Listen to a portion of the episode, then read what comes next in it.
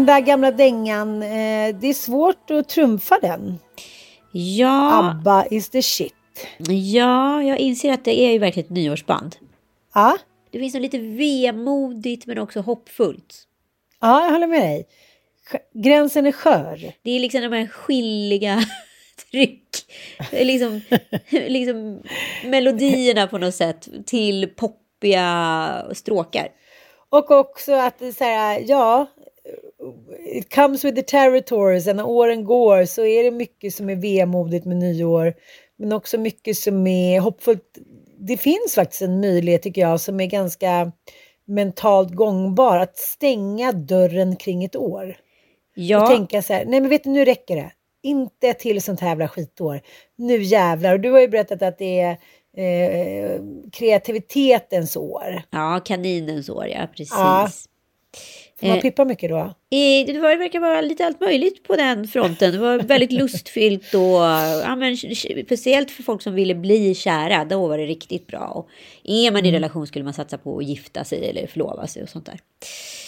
Ja, nej men själv har jag alltid drabbats jag utav lite nyårsångest. Inte bara för att jag tycker att nyårsafton är kanske den pisstristaste högtiden utav dem alla. Eh, men för att jag också känner en rädsla för ovissheten vad ett kommande år faktiskt har att bjuda på. Till skillnad från dig som känner hopp och inspiration och pepp så känner jag bara hjälp.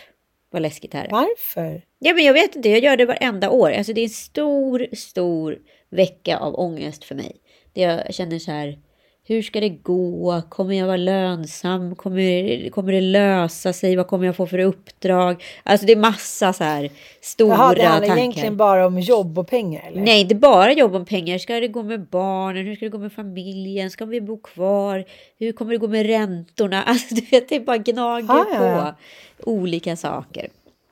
Men Inflation. det, är inte så, det låter inte som att det är så mycket andliga frågor, mer praktiska, att du är orolig för att du inte ska kunna provide. Men nu är ju du, vet ju du att jag är Sveriges mest pragmatiska kvinna. Så det här med andlighet och mig, det är ju inte jätte, jättemycket sånt. Men däremot nej, så nej, gör nej, jag ju nej. någon, en liten andlig grej till varje år. Och det är ju att jag antingen går och spår mig. Och förra året var jag hos ett medium. Och den här gången har jag varit hos en, en mental energicoach. Åh! så intresserad. Så spännande. Så han har gått igenom hela min kropp eh, och sen har vi gått igenom liksom vad som ligger liksom framåt i tiden och sen så lite så här vad som har hänt det gångna året och ja, det var lite spännande. Mycket spännande till och med skulle jag säga. Men vad då? Han, han kan kolla din kropp, vad som ska hända framåt. Nej, vill bara kolla så att så här, allt är i balans och står bra till. Om det är något jag behöver checka upp på och sådär. Eh, och sen så att eh, jag, eh, ja, att det liksom ser, ser okej ut på olika sätt och vis. Men vad då, hur ser man det med en liten lampa? Eller känner man? Eller trycker man? Eller? Eh, han trycker, han trycker. Fast inte ens Nej, från men- samma stad. Han stoppar in den också. Han stoppade det in låter den som också. det är väldigt hemligt allting. Hey, it's Ryan Reynolds, and I'm here with Keith, co star of my upcoming film, If, only in theaters, May 17th. Do you want to tell people the big news? All right, I'll do it. Sign up now and you'll get unlimited for $15 a month in six months of Paramount Plus Essential Plan on us. Mintmobile.com slash switch. Upfront payment of $45 equivalent to $15 per month. Unlimited over 40 gigabytes per month. Face lower speeds. Videos at 480p. Active Mint customers by 531.24 get six months of Paramount Plus Essential Plan. Auto renews after six months. Offer ends May 31st, 2024. Separate Paramount Plus registration required. Terms and conditions apply if rated PG. One size fits all seemed like a good idea for clothes Nice dress. Uh, it's a it's a t-shirt. Until you tried it on. Same goes for your healthcare. That's why United Healthcare offers a variety of flexible, budget friendly coverage for medical, vision, dental, and more. So, whether you're between jobs, coming off a parent's plan, or even missed open enrollment, you can find the plan that fits you best. Find out more about United Healthcare coverage at uh1.com. That's uh1.com. Hur var nyår? Nyår var eh, lugnt och litet. Jag, som sagt, jag lägger ju aldrig ner manken till eh, på nyår. Jag tycker också det är jobbigt när jag inte har barnen på nyår. För då vet jag absolut inte vad jag ska göra. nej, nej, nej, med. och då är jag ju också alltid ute i sista minuten och sådär. Men så visade det sig att en jättegod vän som heter Viktor hade en liten stillsam middag och eh, ja, vi, eh, vi var där och sen så klockan typ tre på morgonen så fick man feeling att man skulle gå på någon efterfest och så gick man dit och så bara insåg man att alla i den här lägenheten var typ 22 och då kände jag så här, nej, nu är det nog dags för mig att åka hem. Okej, men Joel var med. Joel var med, precis. Mm, Men, man, men ibland får man ju också så här, man har druckit under lång tid en hel kväll. Jesus Kristus var dumma beslut man kan ta. Varför skulle jag gå på den här efterfesten för? Det fick jag inte bara hem för. Man hakar på så att säga. Exakt det goda grupptrycket. Mm. Ja. Men där tycker jag att jag har blivit mycket bättre. Att det är så här, det är som du säger, vad ska hända på den efterfesten? Ja, men har alltså- det någonsin varit roligt efter 22 på en efterfest? Aldrig. Aldrig, I och aldrig, för sig aldrig. när vi var, när vi var i Barcelona. Ja, nu, nej, nu, nu- ska, nu ska jag faktiskt skärpa till mig. Det där var bara ren och skär lögn. Jag var på jättemånga efterfester plus 40 som var jätteroliga. Ja, jag bara så jag tänkte, men, så, vad är det då som har dem. hänt? Vad är det som har Men Jag hänt? tror att man kan spotta dem nu. Att så här, vara på en fest eh, en vinternatt och sen så sätta sin taxi och åka på en annan fest en vinternatt. Den tror jag ändå att jag liksom spottar att det blir inte, det blir inte roligt. Nej, jag, jag, jag skyller bara på det enda, att det var grupptryck. Och sen så dåligt omdöme efter alldeles för många glas innanför västen. Ja. Vad gjorde du själv då, Mm. fröken? Vi var ju här hos eh, Kalle och Emily på Lofsisdalen och det var stora långbord och ja men du vet, fyra rätter så ungarna var med och Det låter ju ljuvligt ju. raketer.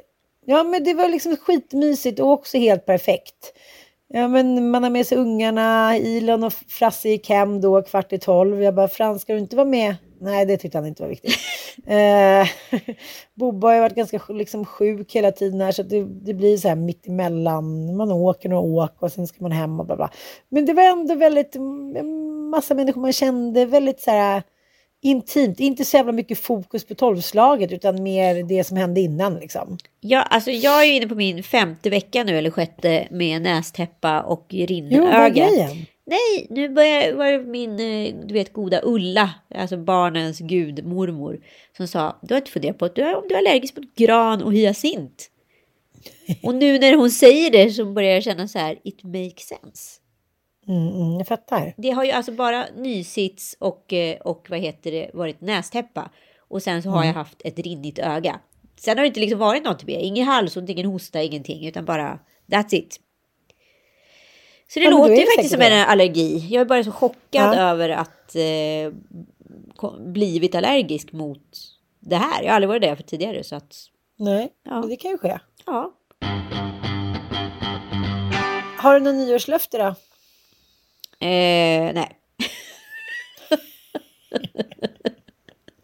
Men vad då? Man håller dem ju en vecka, sen är det ju över. Men vadå, har har du varit genom historien, har du varit en kvinna av nyårslöften? Nej. Nej. Nej, jag, ska, jag, jag är liksom så här, jag är också alldeles för... Som jag säger, jag är liksom lite blå vid den här tiden på året. Och då är det så konstigt att sitta och vara pepp och motiverande med löften. För det är liksom det sista på agendan just nu för mig. Mm. Du då? Som du verkar vara en Nej. sprudlande nyårshitler. Nej, nej, men jag... Eh, ibland kan det vara så att man förväntar sig nada niente eh, nothing och så blir det ändå härligt och habilt liksom.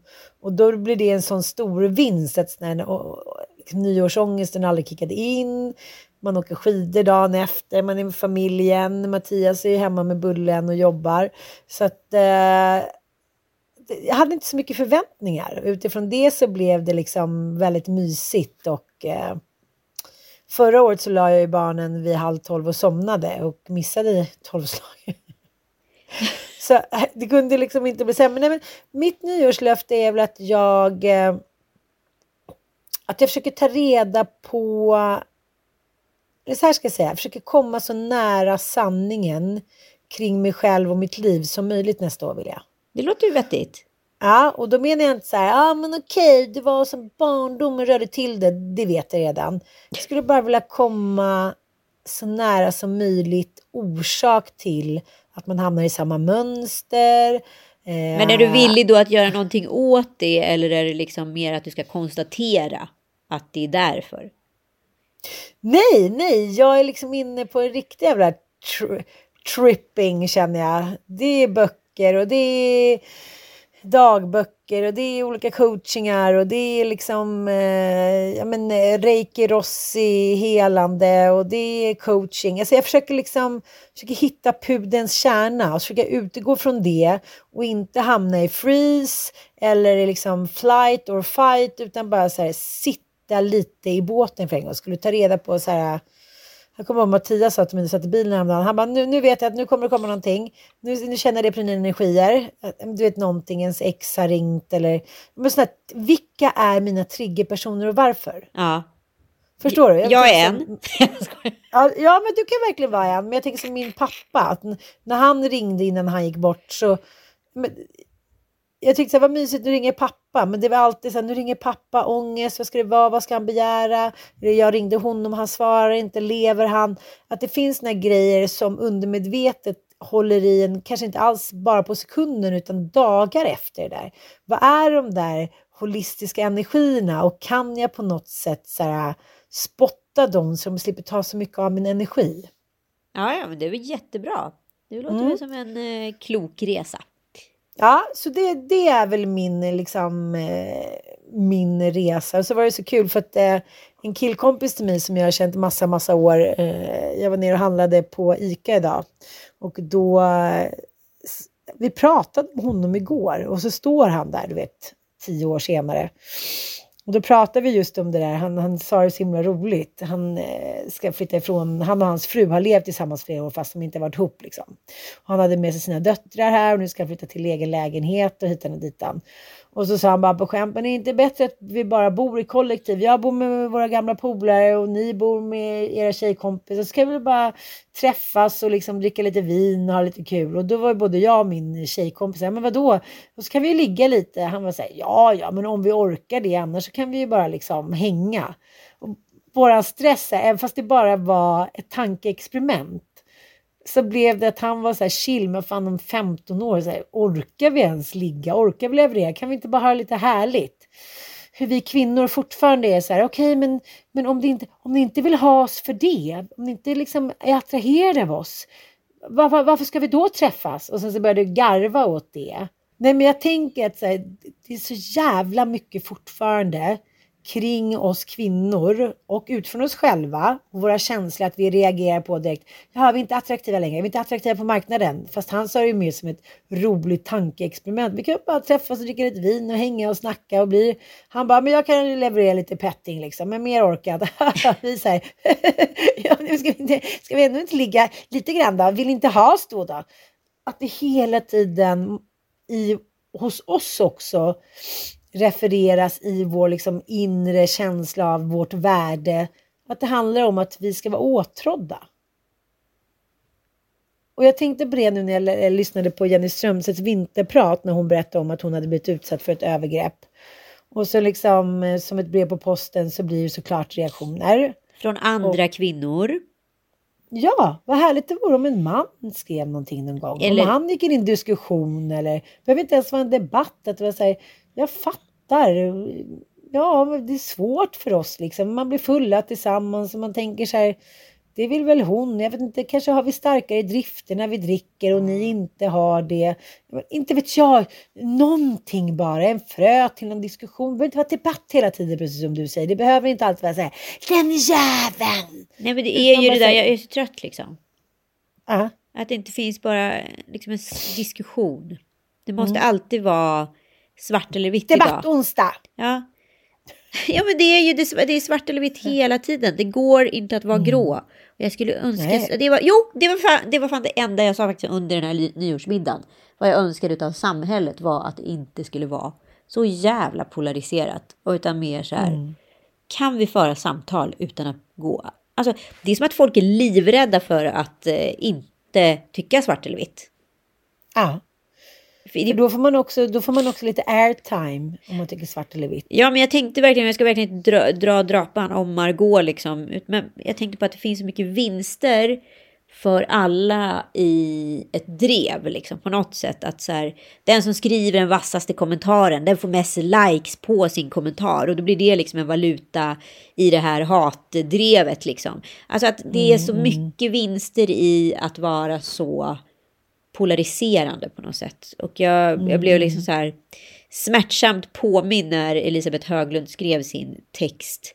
Och jag kände att det var så uråldrigt. Och samtidigt kände jag så här, istället för att bli en ung arg kvinna så tänker jag så här, vi kommer från helt olika generationer med helt olika värderingar. Vad betyder det här? Om man kan omformulera, tolka texten på något sätt, vad betyder det här? Ja, Jag fattar vad du menar, men, men, men det är så, ofta förstår man inte vad, vad man har varit med om förrän långt senare. Jag såg en liten minidokumentär om årets Nobelpristagare i litteratur, Annie Ernaux, tror jag att jag uttalar rätt. Eh, och hon fick då frågan så här, varför hon började skriva. Och då svarade hon, det som har hänt i och med att jag har använt ordet hela mitt liv, genom att beskriva mitt eget liv, försöka komma så nära sanningen som möjligt liksom om mitt liv, så blir det också att mitt liv har ju inte heller blivit riktigt mitt eget. Ah, okej, okay. hon har lånat Ja. ut det till, till sitt tredje person alter ego. Ja, och till ett högre syfte. Och hon sa att hon blev utsatt för ett övergrepp när hon var ung och eh, det här tog hårt på henne men hon kunde inte förstå varför. För enligt tidens normer så fick man ju ja, bete sig lite hur som helst gentemot kvinnor. Det här var ju ändå liksom 40-tal. Andra världskrigets in, liksom inledning. Ja, men den här rädslan hon pratar om som vi aldrig kan förstå hit och dit. Och det var, då sa hon, jag var tvungen att börja skriva om det för att förstå vad jag hade råkat ut för och varför jag blev så traumatiserad av det. Eftersom tidens normer sa ju bara så här, men det är så det är. Det är männen, de är sådana, de är si och så, du drack eller lite, precis som Höglund gör nu. Att säga ja, ja, det får ni förstå själva att ni tar ansvar för ert liv. Att ni, att ni liksom, om ni dricker och blir fulla, då, då är ju det en invit till en karl liksom. Då känner jag så här, nej men gud vad du nu ska vara på något sätt liksom. Eh, jag vet inte. Du vill ha det sist, krama ur den sista uppmärksamheten ur ditt liv på något sätt. Jag vet inte. Jag bara känner här, det, det, är liksom, det är lite för sent att komma med såna här kommentarer. Fast det såklart ligger något i det, att man måste kunna ta ansvar för sitt liv. Men som alkohol och droger och liknande. Man blir liksom, vi pratar om grupptryck, pratar du om. Du är ändå 40 plus, du hänger med på en efterfest, du ska liksom fylla 45. Gud ja. Ja, alltså, allting handlar ju om att inte, man är inte alltid eh, rätt och redig. Särskilt inte som ung kvinna, när man är påverkad samhällsnormer hit och dit. Och då sa han så jag skrev det här för att förstå att det var inte mitt fel i stort sett.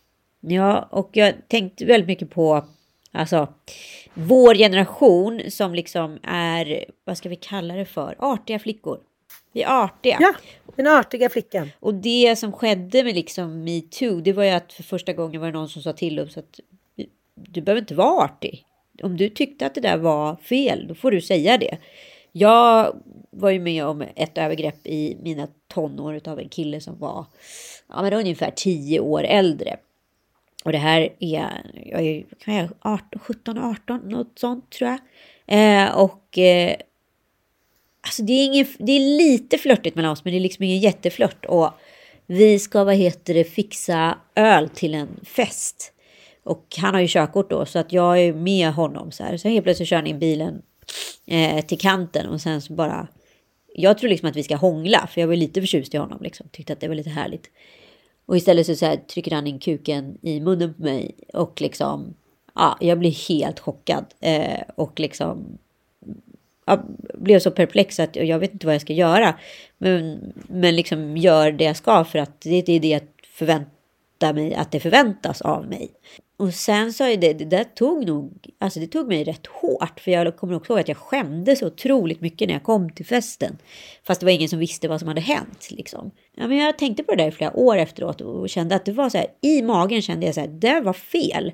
Han skulle inte gjort så där och jag, varför gjorde jag så där? Men jag vände det inåt istället så det blev så otroligt mycket skam. Och jag tror det är därför också en person som Jenny kanske inte säger det här offentligt förrän nu väldigt sent liksom, i livet. Och då blir det rätt hårt med sådana här kvinnor som Höglund som, som så här, är från en annan generation och rätt raljanta kan man säga så i sin ton utav, eh, utav eh, fostrande.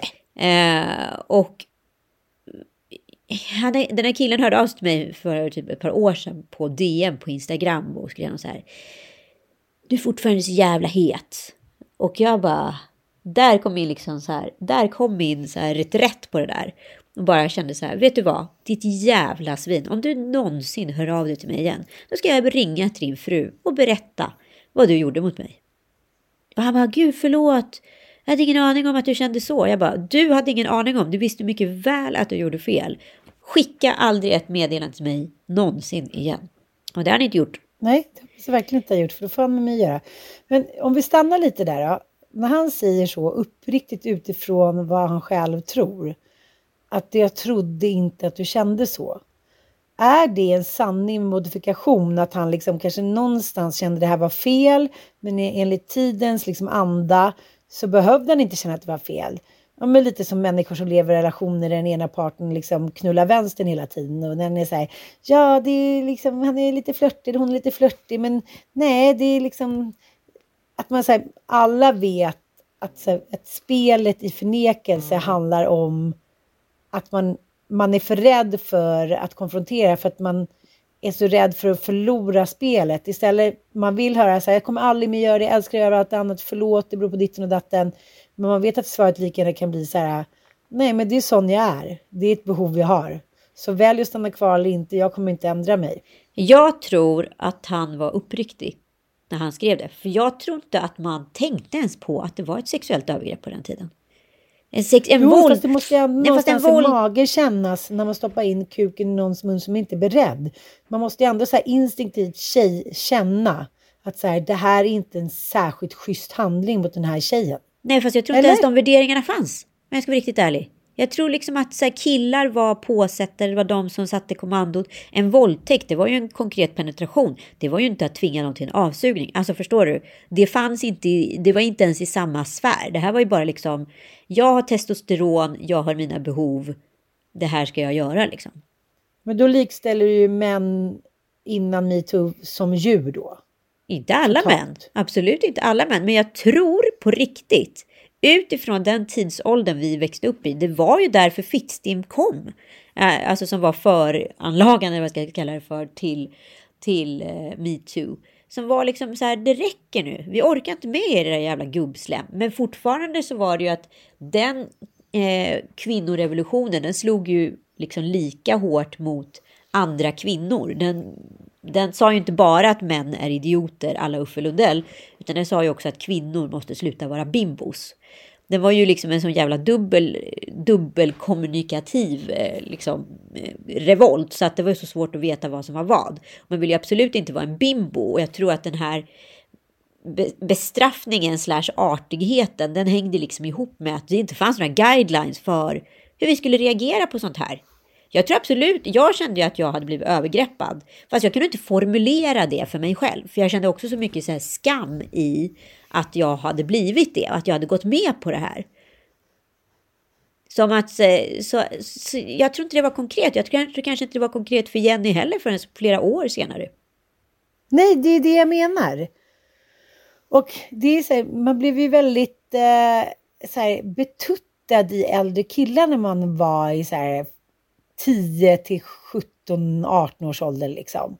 Och tänkte så här, gud de är så världsvana fast de åkte omkring i en kackig hemgjord bil. Alltså det finns något inbyggt i oss. Så här, ja men du vet att killar med en viss liksom åldersdisparens, de är, så här, de är världsvana och du vet, man blir lite imponerad. Och det, jag tror inte alls att det är på samma sak längre, att det är så här, åh en fin bil, jag blir imponerad åh, eh, han känner lite killar i stan, man blir imponerad. Men då var det ju väldigt lätt att liksom ha vet, vad ska man säga, tydliga attribut som vi då var inprogrammerade att vi skulle tycka var balla. Men också så här, idag kan man ju tänka att en kille 27 år vill hänga med 17-åringar. Det är rätt Nej. sunkigt. Det är ja, Pontus Rasmusson. Det tänkte man aldrig då. Nej. Nej, man säger tjejkompisar som bara, jag flyttade hem till Lillkacken när jag var 14 och han var 23. Man bara, gjorde du? Varför då? Min syrra flyttade hemifrån ihop med sin kille hon hade gått ut nian. Vad fan är grejen? Barn? Skulle leva något husmorsliv och bli på... Ja, eh, det var mycket som var skabbigt. Men jag pratade med en kompis om det där på en fest för några månader sedan. Och hon sa för mig, hon sa jag känner mig så tom. Jag vet inte vad jag ska göra av med all information, all upprättelse, alla känslor, allting som jag har gått igenom under metoo. Jag försöker prata med min karl som är säger, ja han försöker coacha och förstå och säga, ja för fan vad dåligt av oss. Men, men det är ändå att vi har gått två skilda vägar nu. Männen är kvar lite, de har såklart fått mer eller mindre insikt beroende på hur mycket man vill ta till sig. Men vi andra, vi är kvar med ett helt nytt perspektiv om vilka vi är och hur vi kan liksom påverka vårt liv och vår kropp. Vad, vad ska vi göra med skiten? Ja, men jag har ju liksom ingen Hjälp aning, oss. för jag tror liksom att här, den här artigheten är så jävla grundad i oss, liksom i vår generation. Nu säger jag vår generation, du är ju fem år äldre, men liksom i en generation som vuxit upp på 70 och 80-talet för att göra det tydligt. Eh, kommande generationer och liksom Elisabeth Höglund är ju ännu mera drabbad av den här artigheten. Att man får skylla sig själv. Alltså det är otroligt lutherskt mm. i det hon skriver. Det är och, klart att de tror att de skulle få ligga med dig när du var full och fläkte ut dig. Det är, det, det är kontentan av hela hennes krönika. Ja, exakt. Här, här, här, bjuder du in, här bjuder du in och sen när det inte passar längre då säger du nej. Försöka. Ja. Nej, men så att den är, det är liksom en annan generation kvinna som har liksom uppfostrat av ännu hårdare normer än vad vi har. Alltså artigheten har ju förstört extremt mycket för mig ja. i mitt liv. Alltså den tror jag sabbat mest utav allt jag varit med om.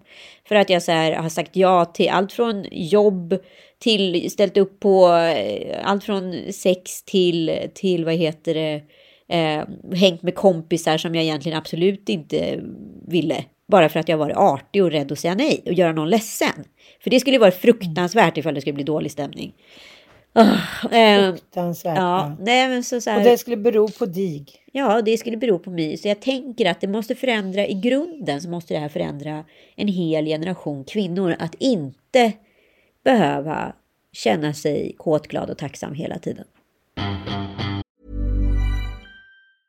Cool fact a crocodile can't stick out its tongue. Also, you can get health insurance for a month or just under a year in some states. United Healthcare short term insurance plans, underwritten by Golden Rule Insurance Company, offer flexible, budget friendly coverage for you. Learn more at uh1.com. Quality sleep is essential. That's why the Sleep Number Smart Bed is designed for your ever evolving sleep needs. Need a bed that's firmer or softer on either side? Helps you sleep at a comfortable temperature? Sleep Number smart beds let you individualize your comfort so you sleep better together. JD Power ranks Sleep Number number 1 in customer satisfaction with mattresses purchased in-store. And now, save 50% on the Sleep Number limited edition smart bed for a limited time. For JD Power 2023 award information, visit jdpower.com/awards. Only at a Sleep Number store or sleepnumber.com. Men jag, jag, tycker att det ligger någonting så otroligt starkt i det där att vara artig och jag tror att det ligger så mycket mer i det just för att vi är första generationen där man lever i någon relation där båda kan få ta beslut. Det är inte givet att den ena ska gå upp på natten och amma. Det är inte givet att den ena ska göra karriär. Saker och ting är inte längre förutsägbara. Nej. Men trots det att vi liksom, man behöver då inte vara artig och ställa upp på allting, liksom bliva vid sin läst, vara moderlig, liksom låta mannen gå före. Men vi vet, vi vet ändå inte vad vi ska göra av det. För vi kan vara arga på debattsidorna, vi kan sitta på tjejmiddagar, vi kan skälla ut våra män. Men den stora handlingen har vi inte kommit till än. För när det väl gäller, då vågar vi inte riktigt på grund av det som är inpräntat i oss, att vi ska vara artiga och inte skapa dålig stämning. Fast det här är också spännande, tänker jag på. Att egentligen så har det ju hänt, det är vår generation, din och min ans, som är felprogrammerade. Egentligen så står Elisabeth Höglund-generationen och den nya unga tjejen mycket närmre varandra än vad vi gör. Vi är egentligen motpolen. För de har helt olika spjärn till varför de inte vill ha sex. Eller Elisabeth Höglund-generationen vill inte dricka alkohol och bjuda ut sig för att då kan man hamna i dåliga sammanhang. Under tiden eh, den här tjejen som är född på 90-talet eller 20, 2000-talet, hon vill, inte, hon vill inte ha sex för att hon vet att hon kan bara säga nej. De är mycket liksom Jag närmare, jag fattar, jag fattar. närmare Ja. varandra på ett sätt. Mm, och mm, vi mm. är ju där, vi är ju den felande länken i, i det här. Vi är proppen. Vi är proppen. Men vi måste försöka ta reda på vad vi ska göra de här senaste årens förändring. Liksom, vad ska vi göra av den här, så här dels skammen och dels insikten men också gåvan som har givits oss för resten av vårt liv. Jag tror inte att vi, vi, vi sitter fortfarande så fast med vår lilla fläta och tofs och liksom hel och ren att vi, vi sitter med den här liksom skor, stora skatten i famnen. Men vi bara, vi sitter där. Vi, vi väntar på att någon ska komma och säga så här, så här gör vi nu. Och det är ingen som har tagit den rollen. Nej, men alltså så här, jag har en tjejkompis som för ett tag sedan var vänstrade. Och eh, hon är liksom ja, men, lite äldre än vad jag är. Och, och hon gick hem med någon kille, det blev jävligt fullt och det, det liksom... Hon kanske inte var helt nöjd med det som skedde. Men hon då i sin relation som så här gift familjekvinna, hon skulle aldrig kunna våga gå och anmäla. För att det skulle ju dra... Det skulle ju skada mer än vad det skulle liksom generera i hennes fall. Är hon Ja. fortfarande fast i den här artigheten då? Eller vad, vad är det där? Är vi tillbaka till skuld och skamträsket? Eller vad händer? Nej, men jag tycker du, du har ju, dels har du ju gjort poddar för Her Care om liksom hur mycket hormoner kan ställa till det utan att vi vet om det. Eh, vi vill hitta en förklaring till att vi känner oss som helt andra kvinnor liksom. Vi har helt annan, eh, vår kropp känns annorlunda, vårt psyke känns annorlunda. Det, det är någon oro tycker jag som tränger in i en när man liksom närmar sig eller är i klimakteriet som man inte känner igen.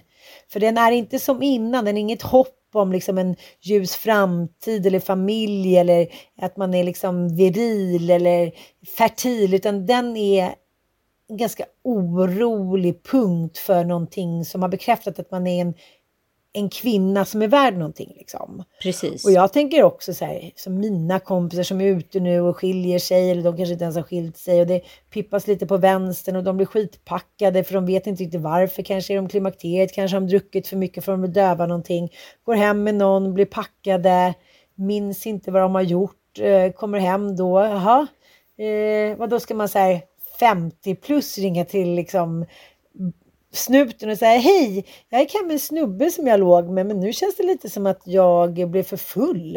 Eh, Jag vågar heller inte fråga om vi låg med varandra för det känns ju kackigt att vara så här 45 plus och inte veta om man har knullat. Det får väl tillhöra ungdomen. Så att det, är så här, det är också så himla åldersbetingat. Helt plötsligt svänger det. Att man ska nästan vara glad att man fick...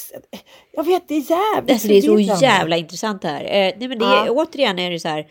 Hur har- ska vi reda i detta? Ja, men för då är vi inne på liksom så här, då har du ju också, då är, då är ju spjärnet skuld och skam igen, fast från en ny vinkel. Istället för att du bara var ung och dum, eh, så är du nu liksom gammal och dum. Ja. Det är samma liksom, för du vet helt plötsligt att så här, risken i det här nu är väldigt mycket större på något sätt. Du gör liksom inte bara våld på dig själv, du gör också våld på din familj. Så då är det bättre att ta den bestraffningen själv. Och, och vem, förlåt, men jag tror också att det känns så lönlöst med utsikten. Vem ska försvara liksom en 50 plus tantalora som har blivit packad och gått hem och snepippat och inte kommer ihåg och känner sig lite våldtagen. Jävligt få i samhället skulle vara så här, stackars lilla flicka. Det är så här, men fyllekärring, sluta drick då. Ja, men exakt. Jag läste en sån otroligt spännande artikel i DN som verkar vara typ den enda tidning jag läser. Så går det när man har prenumerationer utav Emma Arpstrand att eh, hon pratar då med hans, den här härliga psykologen Fredrik Bom från eh, Gift i första ögonkastet om ett syndrom som jag känner så väl igen som heter, eh, eller kallas för på engelska, Sudden Repulsion Syndrome. Vet du vad det är? Men jag vet ju vad det är eh, eftersom du skickade här artikeln till mig. Men jag har ju alltid frågat mig, för jag har känt, jag har känt det där i hela mitt liv så många gånger. Jag, har undrat vad det beror på. Jag blev så glad när du skickade den här artikeln. Jag bara, tack gode gud för att jag äntligen får en förklaring till det här. För att jag har känt mig så jävla ytlig. Ja men alltså det är mest så här, jag kommer också ihåg eh, när jag och Joel var i, i Rom och det var väldigt Du nytt. kanske ska förklara först vad det är. Ja precis, just det. Jag kan göra. Förlåt. eh, nej men det här är alltså det här är alltså känslor av motvilja som kan liksom uppstå när man är rädd för att binda sig.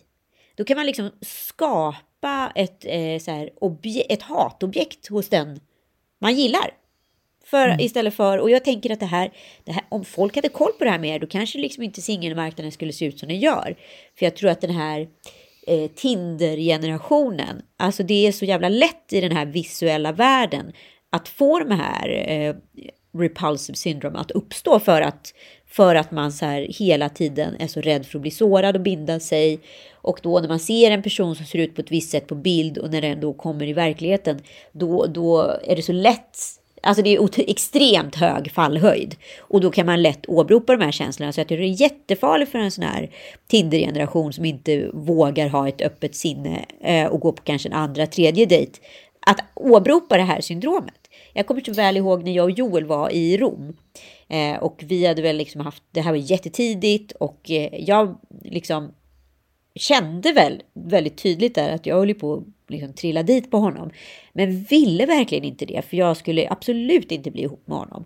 Och jag hittade massa fel på honom under den resan och liksom bestämde mig där och då att nu skulle det här avslutas baserat på de här felen som jag sökte upp och aktivt hittade då.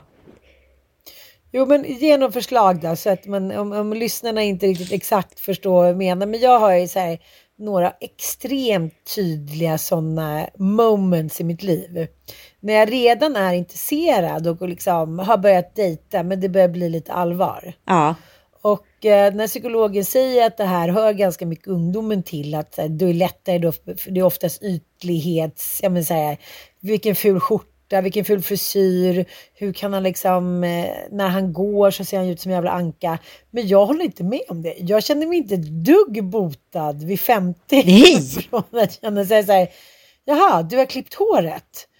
Okej, eh, du ser ut som en så amerikansk börsmäklare från 50-talet. Så tyvärr, jag är inte kär i dig just nu. Jag tycker inte bara att det behöver ske precis när det håller på att gå från flörting och smådejting till allvar. Men det är där jag har mina tydligaste. Jag kommer ihåg eh, ett av mina ex, vi var på samma fest och vi gillade ju båda att stå i centrum. Jag kan fortfarande komma ihåg den där jävla skjortan han hade. Lite så här tysk, eh, du vet nazi, alltså inte naziskjorta men du vet så här kortärmad. Vem har en kortärmad skjorta i 20-årsåldern liksom? Lite för stark tra- kragen och konstiga hornbåkade glasögon. Lite liksom, ingenting blev soft. Förstår du? Men jag visste ju redan att jag hade trillat dit. ja men exakt. Jag tänker så här, som man pratar ofta om att så här, kvinnor ska göra om sina män. Ja men tack gode gud för detta. Ja, verkligen. Tack. Ja, eller jag kommer ihåg när jag och mitt ex, eh, precis tillsammans, jag skulle komma dit och han skulle lösa ut med någon taxi. Han kommer ut till taxin nyklippt med en folköl i handen. Jag bara, nej men nu är det över för så. Liksom det, han skulle vara en skön snubbe. Jag vill säga, nej du hade korkskruvar och långt snyggt Che Guevara-hår. Nu är du så snaggad och går omkring med en ölburk. Nej, det är över, det är över. Trainspotting ringde och ville ha sina karaktärer Ja, ja, tillbaka. Nej, men jag Ja. kommer också, vi var i så kommer jag ihåg att han hade ju lite så här, han har ju bytt stil nu tack och lov. Eh, men då hade ju han lite så här italiensk gubbstil, kommer du ihåg det? Ja, just det. Just det Och just han skulle springa runt med så här tassel slackerbrallor. Ja, men tasseloafers och jeans i den kombinationen. Jag hade liksom panik. Jag hade Och panikkänslor. det var inte Gudfadern 1 ska jag säga, stylish eller 2, utan det var liksom Nej. inte Robert De Niro. Och så tyckte jag att han var alldeles för blek. Alltså du vet, jag, hittade olika... Blekhet, vad är det för grej som man kan störa sig på? alltså så otroligt... Pro... Alltså, jag vet att jag hade så här sekundärskam av att han var så blek. Första året. Alltså, jag tyckte det var så jobbigt att han, att han var liksom det ljusaste människa jag hade sett i hela mitt liv. Nej, men då, åh, jag kommer också ihåg något ex till mig långt tillbaka i tiden. Som liksom köpte jävligt så här, vad ska jag säga, streetiga kläder åt mig. Han tyckte Ja. väl att jag skulle liksom byta lite klädstil. Och jag kommer ihåg att jag blev så jävla provocerad av de här gåvorna som han tyckte såklart var jättefina. Och det fanns inget, det fanns inget underförstått budskap, utan han tyckte väl, han hade själv lite streetig stil och så köpte han någonting som han tyckte var fint. Men jag tog det här som ett så här, direkt hot på min karaktär. Eh, så att jag började liksom bli, negga ner hans stil. Alltså jag vände det till liksom att bli en diskussion Mhm. om honom, fast han bara ville vara schysst mot mig. Säg vilka kvinnor som inte vill ändra stil på sina män för övrigt. Jo, jag vet, men, men jag tänker så här att, att, att det där skulle vara en ungdomsgrej. Men jag träffade en kompis till mig. eh, hon har varit singel i många år. Och hon sa att jag börjar få panik. För att det är liksom tredje dejten. Då börjar jag störa mig. Ah. Det är hårfästet, det är smackningen, det är sättet han liksom tittar på mig. Hon bara, så det går så snabbt. Innan kunde man ändå liksom hångla, liksom hångla och dejta ett tag. Men nu är det liksom tredje dejten så kände hon bara så här, nej, nu måste jag hitta något fel. Och det handlar ju såklart då om, om utseende eller eh, någon sätt man rör sig på eller liksom pratar på, vad fan det nu handlar om. Jag kommer ihåg en kille, han hade så konstiga stortår så att jag var så här, hur ska jag kunna visa upp honom för mina kompisar? För tänk om han skulle ta av sig. Tänk om det skulle vara en situation där vi skulle behöva vara barfota och de skulle se hans stortår. De skulle aldrig kunna förlåta mig. Nej, nej. De skulle verkligen bry sig om det. Spotlight-effekten va, ingen bryr sig. Nej, men jag kommer ihåg en kompis in till mig och grät. Grät och var förtvivlad. Hennes dejt liksom var i, och duschade efter de hade pippat. Han hade navelludd. Nej, det är inte sant. Hon fick panikångest. Fruktansvärt. Ja, ja, det håller jag i och för sig med om. Nej, men, men det är intressant det och det är klart att det är en försvarsmekanism och jag och Mattias var nykära och åkte omkring på Fårö och jag bara stängde, sa stanna bilen och gick ut till en eh, kohage, gick omkring bland kossorna och sa hej hej, hej hej. Han bara, vad håller du på med? Kom tillbaka. Men då fick jag ju panik, då kände jag att jag höll på att bli kär ju. Ja, just det. Och då var jag liksom tvungen att bara säga, nej men jag drar då. Det där är en klassiker också. Geografiskt tar jag lite avstånd, så här, helt fel ställe. Kanske en pool i Thailand eller något, inte så här, tre bajsande kossor som så här uttryckte förakt när man gick där. Men att det är någonting så här, man måste stävja det, för det är kontrollförlusten av att man själv som, eh, som bestämmer liksom, hur tåget, när tåget ska gå. Liksom. För just nu, eh, jag var inne på SCB och kollade för ett tag sedan, eh, visar det sig att det aldrig varit mer singelhushåll. Nej. Så att de här datingapparna har ju liksom inte hjälpt till med att göra, eh, om det nu Att det är håller. att det håller, utan så här, det har vi snarare liksom skälpt och det måste ju hänga ihop så mycket med den här visuella världen vi hela tiden lever i. Att så här, samtalet går ju hela tiden förlorat. Och när vi hela tiden kan välja och vraka och ge liksom små kejsare i vår egen lilla kejsardöme, då, då, då kommer inte alla innanför portarna, så är det ju bara. Nej. Och jag träffade några där på skiduthyrningen och de var så här, gud det är första gången vi åker skidor. Så här, jag bara, åh, ska alltid börja prata med alla typ. Försök att inte oversharing. Men det, men det går tydligen inte. Men båda var så här, hon var skitsnygg, han var skitsnygg och de garvade. Så här, jag bara, men det är ju skitbra, då visste ni det om varandra. Ni sa väl det redan på Tinder? De bara så här, hur visste du det typ? och hon var så här, men det var en, en, en av anledningarna till att jag blev intresserad av honom på Tinder, att han skrev jag har aldrig åkt skidor. Det är väldigt ovanligt i Sverige idag ju. Väldigt Ja. ovanligt. Ja, så jag tänker att här, det är klart att det finns vissa ja, men, som man kan bli triggad av så här, rolig, lite annorlunda information. Men, men vi går ju jävligt mycket på yta fortfarande och det är också det första vi rackar ner på när vi känner att vi har kontrollförlust, tror jag. Ja, ja, ja. Absolut. Och med de varma orden så tänker jag att vi avrundar den här podden. Det är ju fortfarande lite, lite mitt emellan dagar på något konstigt sätt. Så att det känns inte som att så här, alla har kommit igång än. Jag försöker så här, jag har haft lite mejl idag och lite jobb. Men det är inte liksom, jag har inte duggat på kontot om man säger så. Nej, absolut inte. Det är väl skönt. Ja, både och. Ja, inte för dig då, för du har ju panik. Men, eh, Exakt, det tycker jag. Jag måste ju få, jag måste få utlopp för, för allt det här som måste ut. Så att eh, det var perfekt med massa jobb nu. då sätter vi igång med showen. Ja, ja, Ann. Vi ska sätta igång med showen. Kom upp med ett datum för en workshop så kör vi. Puss och kram och gott nytt år allihopa där ute. Gott nytt år!